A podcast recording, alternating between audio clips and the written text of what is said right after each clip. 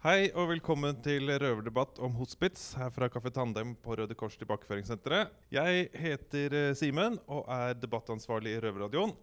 For ganske nøyaktig fem år siden fikk jeg min siste dom, og siden jeg hadde sittet en god stund i varetekt, var det plutselig bare to måneder til jeg skulle slippe ut. Nav ble kontaktet, og de sa at siden jeg ikke hadde noen aktiv sak, var det eneste de kunne gjøre, å gi, å gi meg livsopphold og et midlertidig bo botilbud hvis jeg troppet opp hos dem den dagen jeg slapp ut.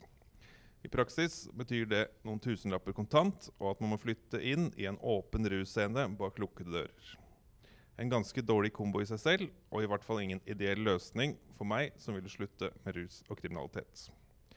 Heldigvis hadde jeg en snill søster som ga meg husly den første tiden. Allerede i 1841 slo Straffeanstaltkommisjonen fast at man ikke må forlate fangen i, i det kritiske øyeblikk han derfra løslades. Og De siste tiårene har flere forskjellige regjeringer lagt frem tilbakeføringsgarantier og strategier hvor boliger blir sett på som et sentralt element. Allikevel har man fortsatt å løslate tusenvis av mennesker hvert år uten at de har et eget sted å bo. Hvorfor er det slik? Er hospits den verst tenkelige løsningen? Og om så, hvordan burde vi heller løse det? Det skal vi prøve å finne ut av i kveld, med hjelp av tidligere hospitsboer og arbeidsleder i Nyttig arbeid, Alf Jon Hansen. Mariann Henriksen, sosialkonsulent ved Dalsberg Stienhus. Daglig leder i Wayback, Johan Lote. Og leder av Leieboerforeningens boligsosiale avdeling, Anne Rita Andal. Vi begynner med deg, Alf. Yes. Kan du fortelle litt om din erfaring med hospits og løslatelse? Eh, jeg har jo sittet en del i fengsel ganske mange ganger. Eh, og de gangene jeg har sittet i fengsel, så har jeg vært veldig motivert til å slutte å ruse meg og komme tilbake til A4-livet. Eh, men veldig mange av de gangene da, så har jeg da sluppet ut til et hospits og ikke noe meningsfull aktivitet eller noe særlig opplegg. Sikkert litt pga. min egen del, at jeg ikke har forberedt meg godt nok når jeg satt inne. Men ja, når du slipper ut med to søppelsekker med klær da, og rett til et hospits, så blir det vanskelig å liksom skulle holde seg nykter. Og hva er det som, hva er som hva, Hvordan er hverdagen på et hospits for de som ikke vet det? Eh, den er ganske tøff. Eh, jeg har jo bodd både ved Ila hospits, eller Ila pensjonat, som det heter. Eh, der var det vel eh, på det meste en 59 menn som bodde, hvor alle hadde noe å selge. og alle var ute etter å bøffe deg egentlig, og betale minst mulig for det du hadde å selge. Så det er mye rus. Det er mange bra ansatte som prøver å gjøre hverdagen din så bra de klarer, eller så bra den kan bli. Men uh, det er ikke noe tvil om at det er mye vold. og er, Jeg har sett, selv sett uh, noen som har blitt drept, liksom, satt overdose på. Så det er ganske Det kan i hvert fall være ganske ille. Men uh, jeg har også opplevd at det kan være helt OK. Og når du kommer da, folk vet at du er ny, du kommer fra fengsel, mm. så betyr det at da har du penger, og da banker det på døra konstant? Da banker det kjapt på døra flere ganger i løpet av den første kvelden. Så hvis du har et håp om å holde deg nykter, så er vel ikke hospits det beste stedet du burde flytte, tror jeg.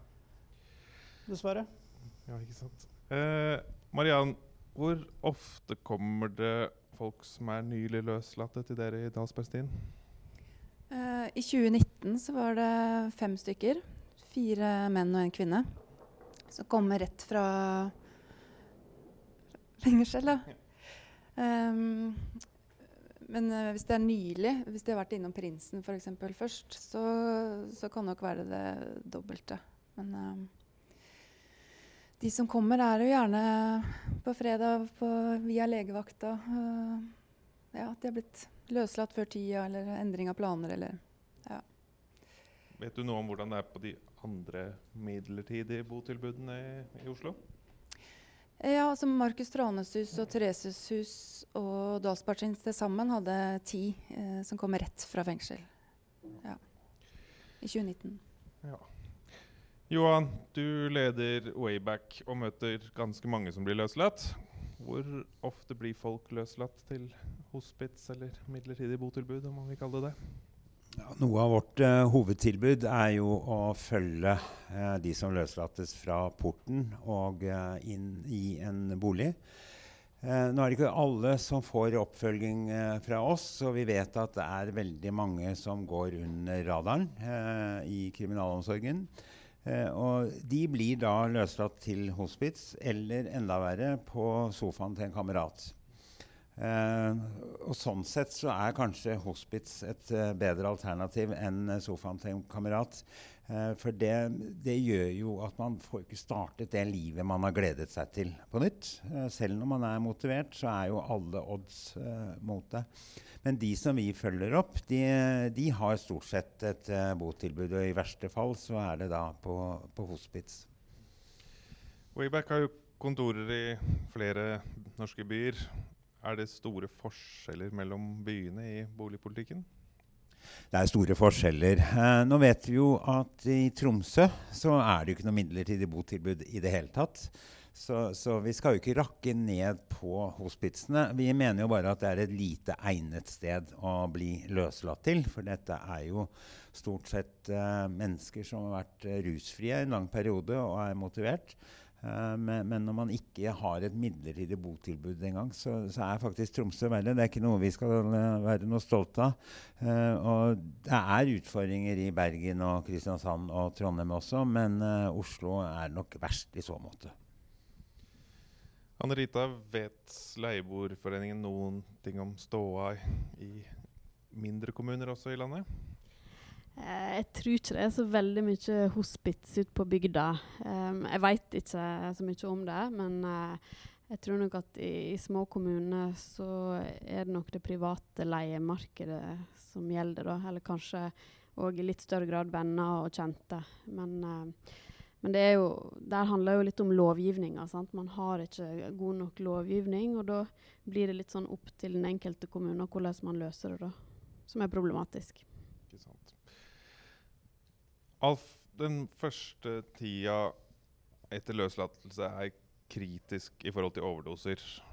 Var det noe du ofte så i din tid på forskjellige hospitser? Ja, absolutt. Det, jeg kjenner jo kjente to som uh, kom ut. Og inkludert meg selv har jo tatt overdose når jeg har kommet fra fengsel. Eh, kanskje litt min egen feil. Jeg trodde jeg tålte samme dose som jeg gjorde før jeg sona. Og, eh, det gjorde jeg jo ikke. Men eh, fordelen ved å bo på et hospits er at da er det kanskje noen som er der og fanger det opp. da. Hvis du da sover på den eh, sofaen hos en kompis, og han ligger utslått av en eh, bra dose med heroin, og du tar en overdose, så er det ingen her til å plukke deg opp. Så eh, heldigvis så bodde jeg på et hospice hvor det var noen ansatte som fant meg. Mm.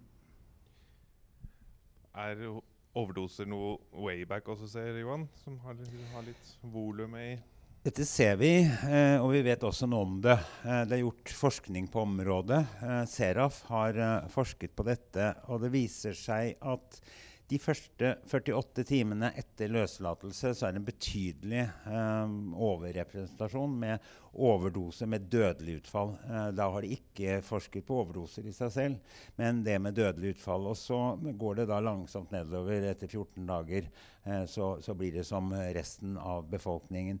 Men det er ganske alvorlig, dette med dødelig utfall. Og da vet man jo også at i tillegg til alle de med dødelig utfall, så er det også en rekke overdoser. Uh, nettopp pga.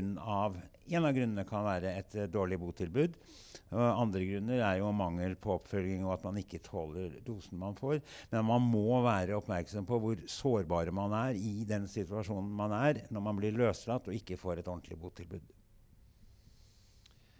Eh, Mariann, Dalsbergstien er et sted som tar imot beboere som er i aktiv rus er en som kommer ut av fengsel og regnes som å være i aktiv rus? Nei, i utgangspunktet ikke. Eh, det kommer selvfølgelig an på hvor lang soninga har vært. da, Om det er en uke eller år. Men eh, det er jo noe vi er mest eh, opptatt av når vi vet at folk kommer rett fra fengsel, er jo overdosefaren. Så det, det, er vi veldig opptatt av. Så så kan man jo liksom si at vi kanskje ikke burde tatt imot, men da veit vi kanskje at de ville bodd ute eller hos venner. Da er det jo bedre at det er hos oss som har kompetanse på, på å håndtere overdoser, da, og, og kan, kan, se de. Men uh, Gjør dere noe spesielt når dere kommer? Følger dere opp ekstra, Ja, ja. ekstra runder på natta og sånn? Ja. Okay. Ekstra samtaler. øh, Snakker om øh, røyking, dele dosa, i hvert fall ikke sette aleine. Og Naloxon og ja. Ja. Den samtalen som vi håper de har hatt i fengsel òg, da. Ikke sant? Før de kom Ja. ut. Ja. Mm. Samtalen man skulle hatt i fengsel. ja. Marianne, det er forskjell på de midlertidige botilbudene i Oslo når det gjelder rus og regler generelt. Vet du om noen du tenker er et bra sted å flytte til for en som, som slipper ut? Tenker sånn Holmen f.eks., som er ganske strenge. Tenker du det er et bedre sted?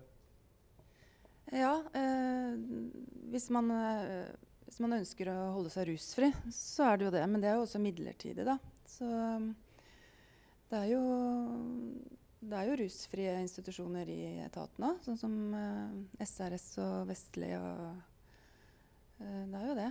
Men eh, Jeg får lyst til å skyte inn noe der da. For all erfaring sier jo at når du står på legevakten og får et tilbud, så tar det imot det tilbudet som er.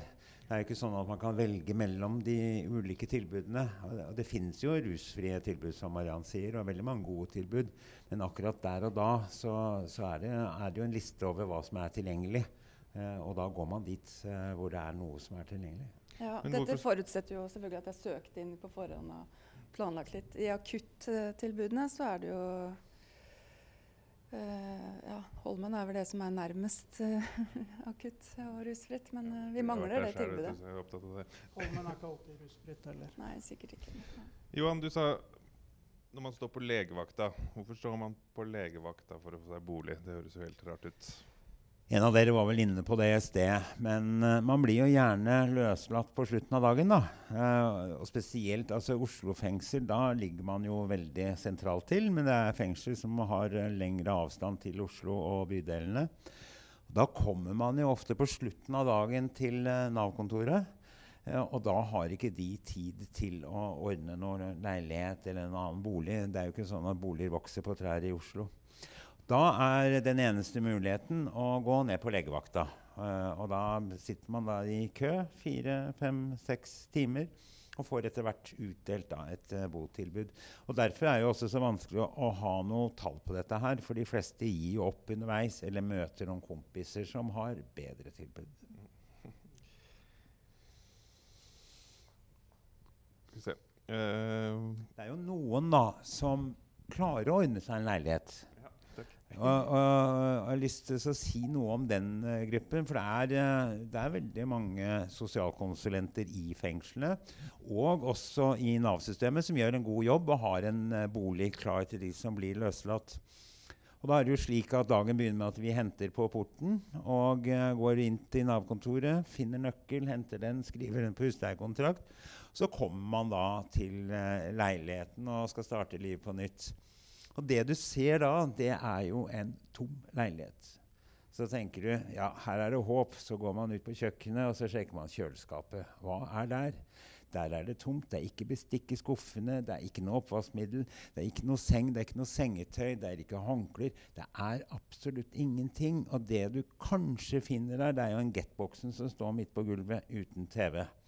Og da er det godt å få oppfølging fra oss, f.eks. For, eksempel, for da tar vi turen ut på Ikea eller andre steder og ordner de tingene som trengs. Men dette tar jo noen dager. Og dette er i den sårbare perioden vi snakker om, de første 48 timene. Kan jeg bare si noe? Selvfølgelig. Altså, jeg, det, jeg visste ikke det, da, at man eh, må gå på legevakta. Eh, altså, jeg tenker at det, når du har brekt armen, slått deg, skada deg, så går du på legevakta.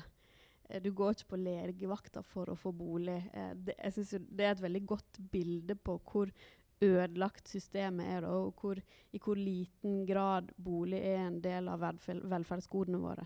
Så det, det er jo et helt sånn absurd bilde at man skal få bolig på legevakta. Legevakta, SA, sosialambulant tjeneste, er jo den forlengelse av Nav når det er eh, etter den tida, men det holder til på legevakta, ja. Sant.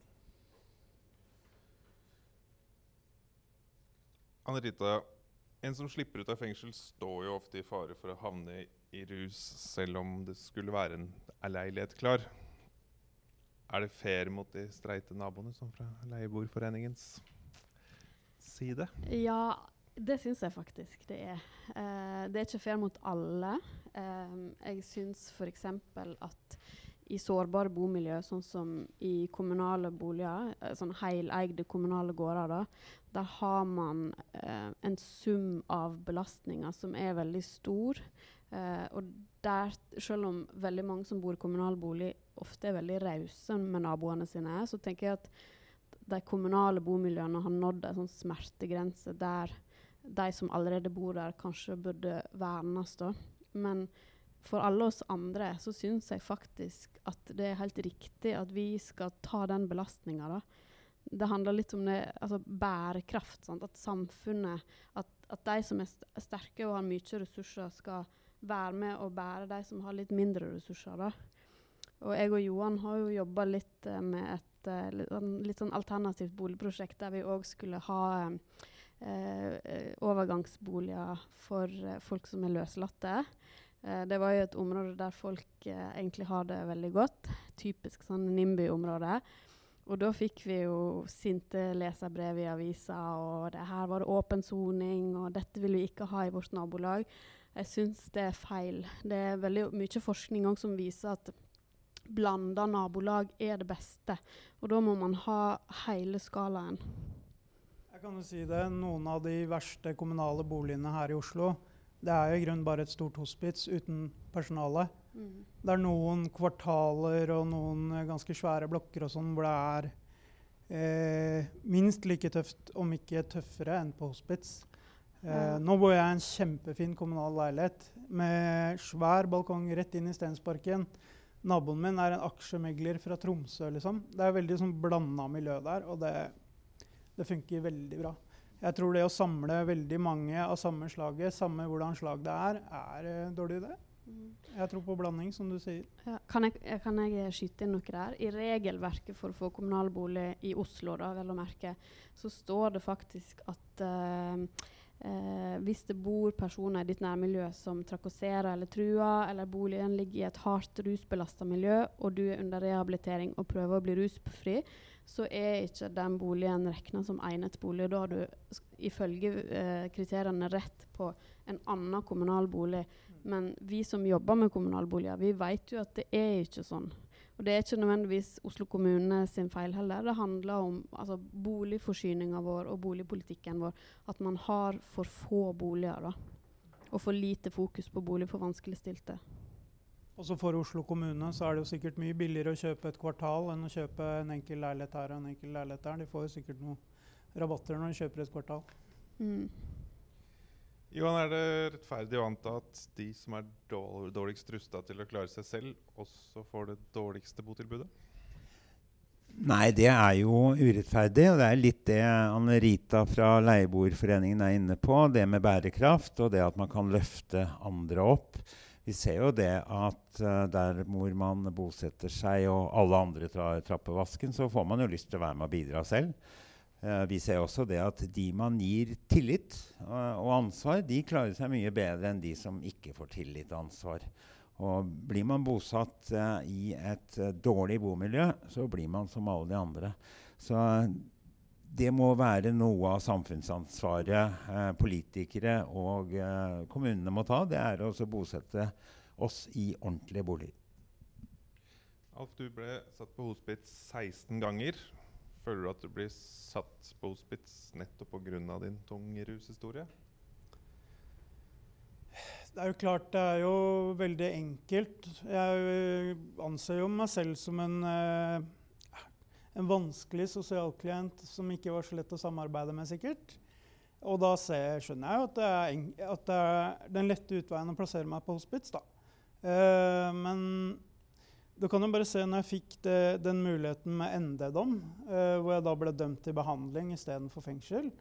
Uh, da gikk det jo bra. Og nå er jeg 100% jobb i Oslo kommune og har fin bolig og har holdt meg rusfri nå snart i fem år.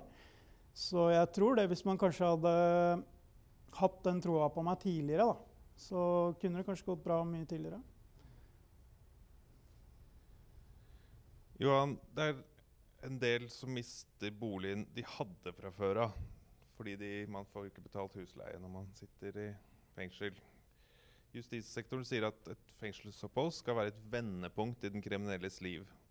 Blir det ofte et vendepunkt til det verre fordi de mister bopelen sin?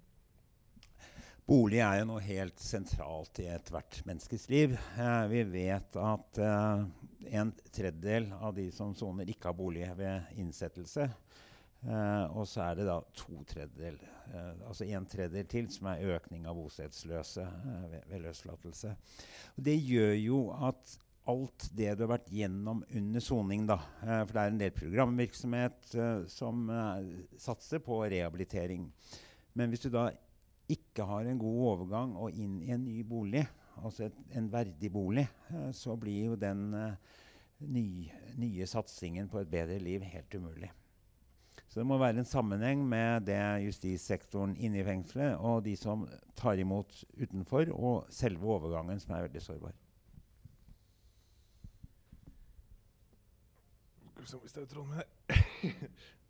Eh, skal vi se Eh, Du kan klippe, kan du ikke det, Mikkel? Skal vi se Jo, sorry. Spinner vi videre på det, ikke sant? Ja. Anne Rita, kunne det vært en idé at staten betalte husleie for de som soner? Altså for at jeg skal beholde den boligen jeg har. Ja, nettopp. Eh, jeg syns ikke det er en veldig god idé, fordi at eh, altså, det, det fins veldig lite eh, midler til boliger for vanskeligstilte. Eh, og det er både problematisk fordi at det blir veldig dyrt for staten eller for kommuner, men òg fordi at det fins for få utleieboliger. Eh, sånn at eh, da blir det jo en bolig som blir stående tom. Så jeg syns ikke at det er en god løsning. Men jeg syns at det fins andre gode løsninger. Ivan, du strakk opp en finger. Ja, jeg er for så vidt enig i Anne-Ritas eh, synspunkt på det. Men man, for å sette litt sånn ord på det, da, eh, så er det mulighet for å få Nav til å betale de første tre månedene eh, under soning. Det som ofte skjer, da, det er jo at man eh, kommer i varetekt og ikke får gitt beskjed om at du ikke lenger bor i din bopel. Og dette ender jo opp med mislighold av betalt husleie. Det ender opp med at uh, namsmannen bryter opp døren. Og vi vet også da at kommunens ansatte bestiller en container og hiver alt som er av innbo i denne containeren. Så det er noe som er problematisk her, men man må kunne sette noen grenser for hvor lenge man skal kunne beholde leiligheten. Og så har vi også gjennom vårt uh, arbeid og samarbeid med kriminalomsorgen fått eh, fått tak på noen innkomstsamtaler som belyser nettopp eh, hvor innsatte bor, og, og hvordan de bor, slik at man kan kontakte utleier og få en litt bedre utgang på selve leieavtalen. Nok en uh, ting man kan kritisere de lange varetektsfengslingene i Norge for, men det blir en helt annen debatt. Mariann, jeg så på TV-programmet hvor Helene sjekker inn hos dere, og de beboerne hun snakka med, var negative i omtalen av hvordan det var å bo der. Men for meg så det ut som de kanskje ikke var så veldig velegna til å bo så mange andre steder. Føler du at dere har et dårlig rykte, og i så fall er det litt ufortjent?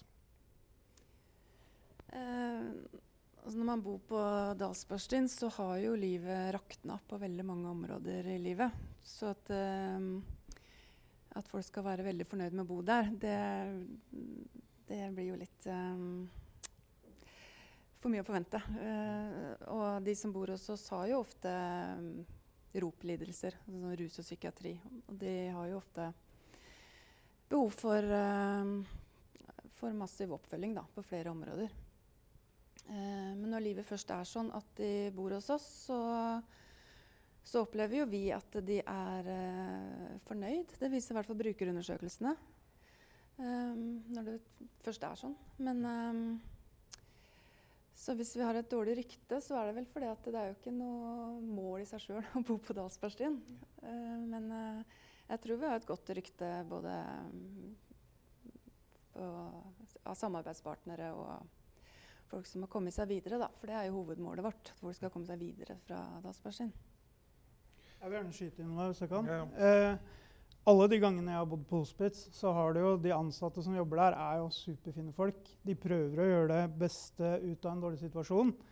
Så når et hospits har et dårlig rykte, så er det jo ikke hospitset seg selv og de ansatte. Det er jo pga. de som bor der, at det er kjipt å være der, egentlig. Det er livssituasjonen man er i. Det er livssituasjonen man er i, helt klart. Disse midlertidige botilbudene man har, er jo langt fra gratis. En plass koster kanskje fra 700 kroner til kanskje godt over 1000 i løpet av et døgn. Altså en 20 30 40 000 kroner i måneden. Jeg snakka med en tidligere soningskamerat som jobber inn på sykkelverkstedet her inne. Og han sa at noen som blir løslatt, får, får plass på et appartement, eller appartement. Som er noe, et sted mellom et hotellrom og en korttidsleilighet. Burde man brukt det større grad? Kan, ja, jeg, det, det, stemmer det at noen får bedre botilbud. Og, og, heldigvis er det de yngre som får de beste tilbudene. Og da blir det tatt hensyn til. Men vi ser jo også at det er en del omsetning av illegale rusmidler på de stedene. Men når du ser på kostnaden, eh, så er jo disse botilbudene ofte like dyre som et hotell. Så jeg tror det viktigste er å, å kunne spre de som er, har de utfordringene, på flest mulig steder, slik at man unngår den oppsamlingen. For ved en sånn oppsamling så vil det foregå mer eh, illegal omsetning. Om, en, om, et botilbud koster 1000 kroner natten eller 1100 kroner, så tror jeg ikke det er det største utgiftsposten til kommunen. Eh, når man ser eh, hvor mye eh, sosiale tjenester koster, og hva kriminaliteten koster, hva fengslene koster, behandlingsplasser osv. Tror du det ville sett for stygt ut hvis man eh, med overskriften 'Fra fengsel til hotell', og at det kan være med på at man ikke gjør det?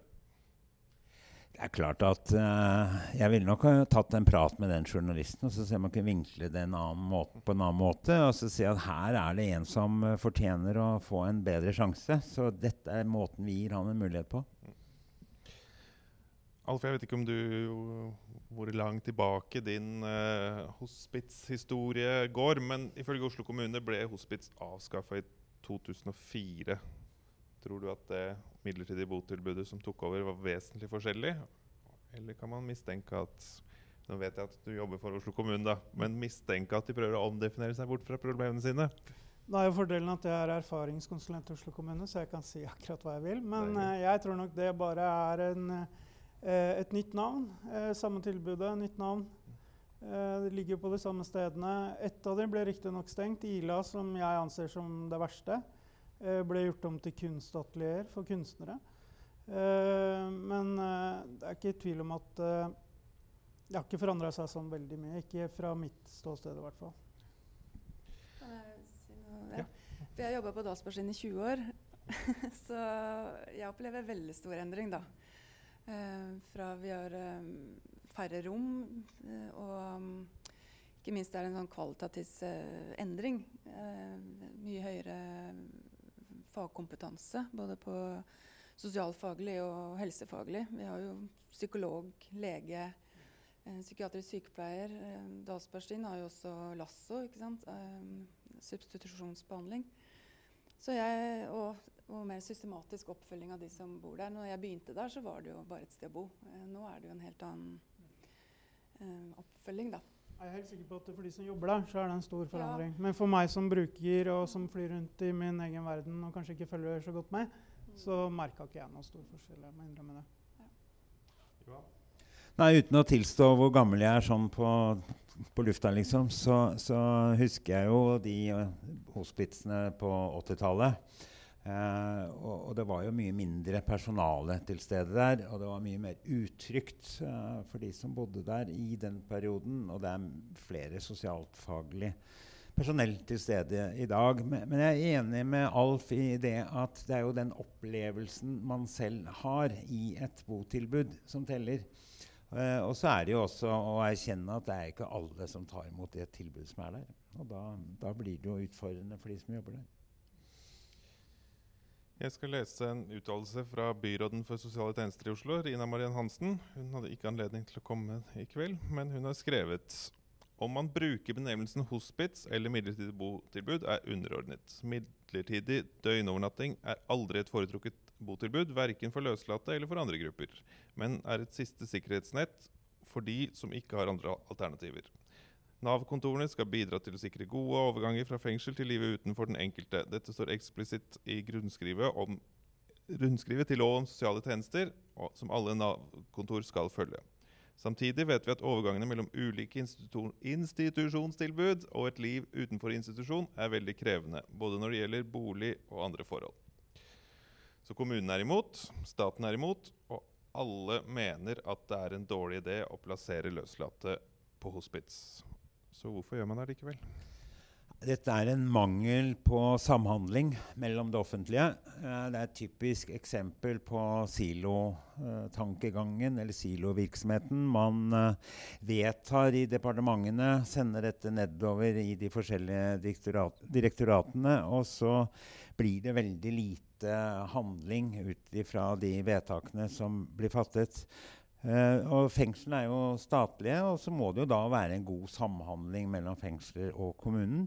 Og Når fengslene da ligger langt fra uh, Oslo kommune f.eks., så blir det jo vanskelig å få til en sånn samhandling. Og også det med at fengslene da sier at det må være på plass en bolig før vi kan gi han en løslatelsesdato, og Nav sier det samme. at uh, Hvorfor skal vi gi deg en bolig når vi ikke har en løslatelsesdato? Uh, så står man i en ganske vanskelig situasjon. Så hvis man kunne få en bedre kommunikasjon mellom alle disse offentlige tjenestetilbudene, så ville mye være gjort. Som du sier, så ligger kriminalomsorgen under stat, altså fengslingen, og så ligger løslatelsen eller tilbakeføringen under Nav, som er kommunalt Nav. da. Burde alt legges under staten? Ja, jeg mener jo det. Jeg vil tilbake til den gamle ordningen hvor du hadde Nav i fengsel, som hadde vedtaksmyndighet. Eh, da, da slapp du de eh, dumme overgangene vi har i dag. Og så er det der igjen med dette med, med kommunikasjon. tenker det Hvis hver bydel i Oslo da, for å snakke om Oslo, hadde hatt en uh, koordinator, en fengselskoordinator, så hadde dette vært mye enklere. For mye av dette handler om, uh, om samhandling og, og, kommunikasjon og informasjon og hva hver, hver, enkelt har av ansvar og muligheter for å få en god tilbakeføring. Marita? Altså, jeg er jo veldig ofte enig med deg, Johan, i mye. Og jeg, du peker jo på gode ting her, da, men si at alle, alle systemfeilene og silotenkninga var rydda av banen, da, så har man jo likevel for få boliger. Eh, og antall vanskeligstilte på boligmarkedet øker. Og jeg vil tro at eh, en uh, nylig løslatt eh, fengselsfugl med kanskje litt sånn rufsete CV står ganske langt bak i køen. Så jeg tror, jeg tror nok at de tingene du peker på, vil, ville ha hjulpet. Men jeg tror ikke det er nok. Jeg tror at det her òg i stor grad handler om lovgivning, og, altså om rett retten til bolig, da. Eh, og hvis jeg skal være litt sånn pompøs her, så har jeg lyst til å peke på våre grunnleggende menneskerettigheter. Eh, det, man ler jo ofte litt av det når man snakker om menneskerettighetene her i Norge. Liksom, hvorfor skal vi drive og bale med det? Men i FN-konvensjonen for økonomiske, sosiale og kulturelle rettigheter, som Norge er en del av, der står det at alle har rett på en bolig som er trygg, eh, fredelig og verdig, eh, med nok privatliv, eh, nok eh, plass, eh, nok sikkerhet, nok lys og ventilasjon, eh, basisinfrastruktur til en rimelig pris. Og nå snakker ikke jeg om tak over hodet, nå snakker jeg om en, en permanent bosituasjon. Men så, hvis man da ser på den norske lovgivninga, så, så gir ikke det her gjenklang i den norske lovgivninga. I Norge så har ikke man rett til bolig i Grunnloven f.eks. Heller ikke i sosiallovgivninga eller lov om kommunale helse- og omsorgstjenester. Der, der, gis man en rett til midlertidig tak over hodet. Og jeg tror at hvis man hadde rett på bolig, så ville boligforsyninga se annerledes ut. Staten og kommunen sine oppgaver ville se annerledes ut. Man ville prioritert bolig eh, Altså det offentlige ville prioritert boligfremskaffelse for vanskeligstilte på en helt annen måte enn man gjør i dag? Jeg er veldig glad for at du fikk sagt det, Anne-Rita, for der er vi helt uh, enige. At det er mangel på boliger her uh, er jo en av utfordringene. Uh, mangel på boliger og også rimelige boliger. og også stigma rundt det å, å, skaffe en bolig til veie for sosialklienter. Vi har jobbet lenge med Nav for å få til kontant depositum istedenfor en Nav-garanti. Bare det har jo hjulpet mye i forhold til å få bosatt mange. Eh, men selv med et godt, uh, godt god tilgang på boliger, så tror jeg også uh, uansett at man, at man har det i lovgivningen, at et godt samarbeid også må være i bunn for å få det til. Jeg er veldig enig med deg med det med samarbeidet mellom kommunene og kriminalomsorgen. Og det vi ofte har opplevd, da, er jo de sårbare overgangene. Uh, F.eks. at at det er planlagt hvor de skal flytte, eller uh, følge til behandling, eller uh, har en løslatelsesdato. Da er alt time og tilrettelagt ut ifra det. Uh, og så blir det sluppet ut før tida. Og da er det to døgn på Dalsbergstien, og så er det Da er det gjort. Ja, ikke sant? Så hvis man hadde kunnet samarbeide litt og kommunisert bedre på tvers, så er det mye som kunne vært løst. Ja, for det er jo i holdt på å si, kulissen her, så skylder jo Nav på kriminalomsorgen og kriminalomsorgen på Nav. Og nett, Nav, eh, nei, kriminal, eh, Nav, klager over at kriminalomsorgen ikke er altså, De vet ikke når folk slipper ut. Og jeg selv slapp jo ut en dag for tidlig fra Oslo fengsel fordi det var rotteinvasjon der.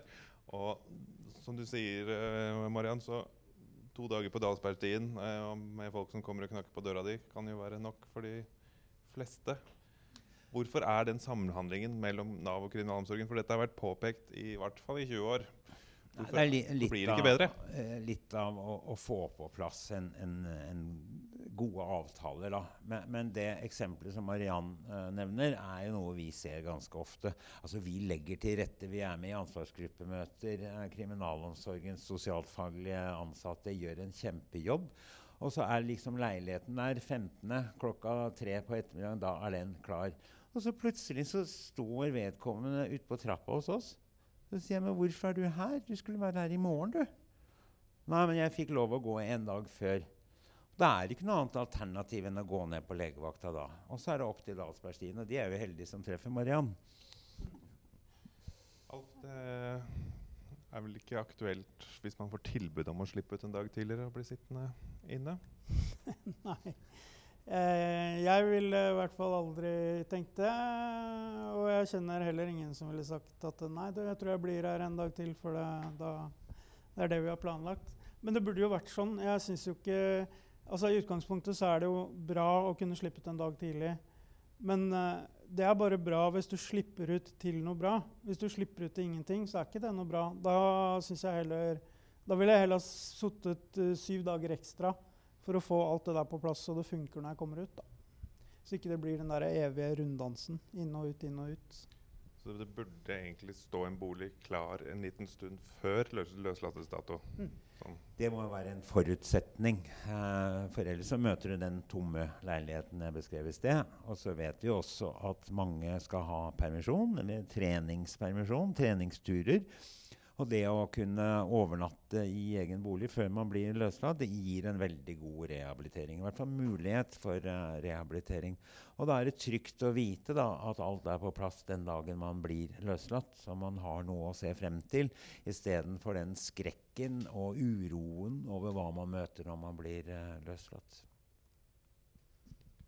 Altså, jeg tenker at man, man vet, Du spør liksom hvorfor er det sånn når vi, når vi vet det vi vet. og sånn, sant? Og, uh, jeg tenker at det her handler om, om grunnleggende boligpolitikk og interessepolitikk. da. Eh, og, og, så var her en dag jeg tenkte på hvor mange årsverk som, eh, som blir lagt inn i interessepolitisk arbeid for vanskeligstilte. Jeg tror ikke det er så veldig mange årsverk.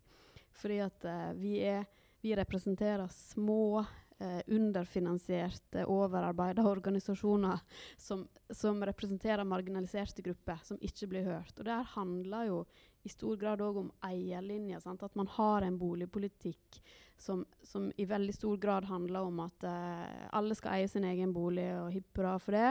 Og så har man hatt så sterkt fokus på det at man har glemt, eller enten glemt eller bevisst eller ubevisst, men disse, de stille stemmene, de marginaliserte gruppene, som kan være alt mulig, men bl.a. innsatte, de blir i veldig liten grad hørt. Uh, og det er tenker jeg, et kjempe, nesten et demokratisk problem. da, At man ikke klarer å få nok fokus på de sårbare gruppene. Uh, og det er rett og slett fordi at vi har på en måte forvilla oss i en sånn uh, tanke om at vi har verdens beste boligpolitikk, og, og, så, og så har vi bare glemt de sårbare gruppene. da. Jeg har lyst til å fortelle en sånn solskinnshistorie. Vi var i en kommune en gang hvor vi møtte politikere og ordfører, og han skulle ta oss med ned til det botilbudet de hadde i den kommunen.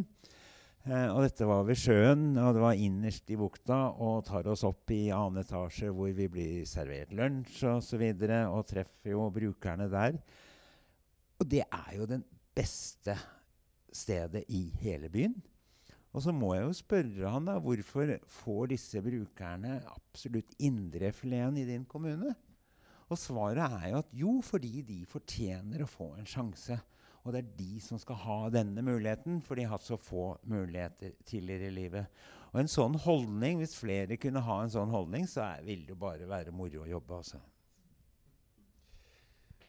Stadig flere i Norge soner hele, eller i hvert fall slutten av dommen sin med fotlenke. Bl.a. fordi det er ganske mye billigere enn fengselsplasser. Men for å få fotlenkesoning så må man ha egen bolig og jobb. Kunne det være en god løsning også for skattebetalerne å skaffe bolig til de som ikke har, og så kunne jobben deres i hvert fall til dels være å komme på plass i den? Jeg tenker det er en uh, veldig god idé. Altså Først må man jo starte med at kommunen forstår uh, hva uh, lenkesoning eller hjemmesoning er for noe. For som regel så blir man jo møtt med at hvorfor skal vi skaffe en bolig til en som allikevel kan være i fengsel? så her må man også begynne med litt sånn markedsføring av det tilbudet. Uh, men, men, jeg er helt enig i ideen din om at uh, å skaffe bolig, tilgjengelige boliger for denne gruppen er en god idé. Vi hadde også et prosjekt i Oslo som het Selvbyggerprosjektet, hvor uh, man da innsatte fikk muligheten til å pusse opp egen bolig. En kommunal nedslitt bolig som man da pusset opp og flyttet inn i når man da nærmet seg løslatelse. Og jeg kjenner mange av de som var med i det prosjektet. Ikke alle har klart seg, men langt de fleste har klart eh, å få eierskap og glede av å ha en egen bolig, og til en litt sånn nedsatt husleie. Og det, det har vært veldig god økonomi og spesielt når vi ser på Oslo, som har så mange nedslitte leiligheter. Anne Rita, hva tenker Leieboerforeningen at man burde gjøre i forhold til boligtrengende som skal løslates? Det er jo et stort spørsmål, da. Eh, men eh, jeg tenker å styrke retten, retten til bolig. Eh, ikke bare tak over hodet og akuttbolig, men retten til permanent bolig. Eh, og, og, heller ikke bare en bolig, men et godt bomiljø for vanskeligstilte mener vi òg bør komme inn i, i sosiallovgivninga, sånn at man har noen rettigheter. Og så mener vi òg at kommunene må få mye større tilskudd eh, til å, å, bygge eller kjøpe kommunale boliger f.eks., eller å kjøpe boliger i borettslag. Eh, at man kan samarbeide med ideelle utbyggere, profesjonelle. Eh, altså at man bare har et mye større fokus på å fremskaffe enten egne boliger som kommuner eier og forvalter, eller eh, boliger i samarbeid med gode utleiere. Så det og vi er jo ganske langt unna det i dag, så det, det er mye som uh, må på plass. Det er det dessverre. Det legges jo stadig Vil du si noe, Mariann? Ja, nei, jeg bare tenkte det med, med holdninga i det hele tatt til det med bolig, og, og det vi snakket om tidligere med at de bør få um, bolig lenge før de slipper ut, er jo også noe med Eh, og ikke bare tenke på at man blir tildelt en bolig, men at man faktisk får et hjem. Og at man får et forhold til, eh, til den eh, boligen som sitt eget hjem. Det tror jeg har veldig mye å si for, for livskvalitet og for i det hele tatt. Og jeg tenker også at kommunen bør jo eh, bør rett og slett eie flere leiligheter. Ikke bare for å tilby vanskeligstilte, men for å være en aktør på leiemarkedet. Da, på lik linje med de private. Det legges jo stadig fram eh, strategier og handlingsplaner. Ja, det gjør det sikkert i fremtiden også. Hva tror vi om fremtiden? Tror du, Alf, at, uh, at, man, at folk, slipper, no, folk, fra nå av slipper å din, få din historie? Jeg, hå jeg, håper jo det. Uh, jeg er jo evig optimist, så jeg tror jo det. Uh, jeg tror det er mange gode krefter der ute som ønsker at det skal gå bra med folk. Akkurat hvordan det skal gjøres, det vet jeg ikke ennå. Men uh, jeg er helt sikker på at det sitter noen kloke hoder der ute og uh, driver og finpusser på den perfekte planen for å unngå at uh, skal, eller folk som meg skal havne tilbake der hvor jeg har vært. Mariann, har du tro på en fremtid hvor det ikke kommer noen fra fengsel til dere? ja, kanskje ikke. Men jeg opplever jo at bydelene er blitt veldig mye bedre på å opprette differensierte boliger, altså ulike boliger. Det er jo eh, det er ikke alle som har lyst til å bo alene, som er redd for ensomhet. Og, og at bydelene nå tenker mer sånn kreativt og, og har ulike boformer eh, som de oppretter. Da. Så jeg har jo tro på, tro på framtida. Jeg er evig optimist, eh, men eh, i, i, i bunnen her eh, så må det jo noen lov, lover og, og hjemler som må ligge til grunn for retten til en bolig. Og så er det noe med boligmangel generelt at den, eh, den, gjør Altså er det ikke nok boliger, så kan man jo være så villig man bare vil til å, å skaffe frem noe. Så, så det, må, det, må, ligge i bunn. Og så vet jeg også at uh, Oslo kommune nå legger til rette for en ny Oslo-standard, som bl.a. inneholder en melding på hvordan løslatte skal komme over i bolig. Så jeg har tro på at uh, de får til noe, så vi krysser fingrene. Rita, har du tro på Altså, det Johan, den, Johan snakker om, og fremtiden for alle vanskeligstilte uten bolig? Ja, jeg tenker nå, nå, har dere vært så positive, så da kan jeg være litt negativ. da. Um, selv om jeg, jeg, egentlig, jeg, velger jo å være positiv når jeg jobber med det her. da, Men uh, jeg tenker at det, jeg tror det må bli verre før det kan bli bedre. da, og igjen så går det tilbake på den der store boligpolitikken da, og den trua på eierlinja. Uh, og så er det jo sånn at de fleste som sitter i sentrale tillitsverv. Eh, de eier sin egen bolig, og de sitter veldig langt unna dere sine erfaringer. Eh, og, så, så brukermedvirkning eh, og det å jobbe interessepolitisk og få fram de stille stemmene, det er avgjørende for å liksom, løfte den der eh, osteklokka. Da, på en måte, for det, det er akkurat som det ligger en sånn dom over hele det her feltet med vanskeligstilte, med fattigdom, med alle de utfordringene som vi ser knytta til bolig.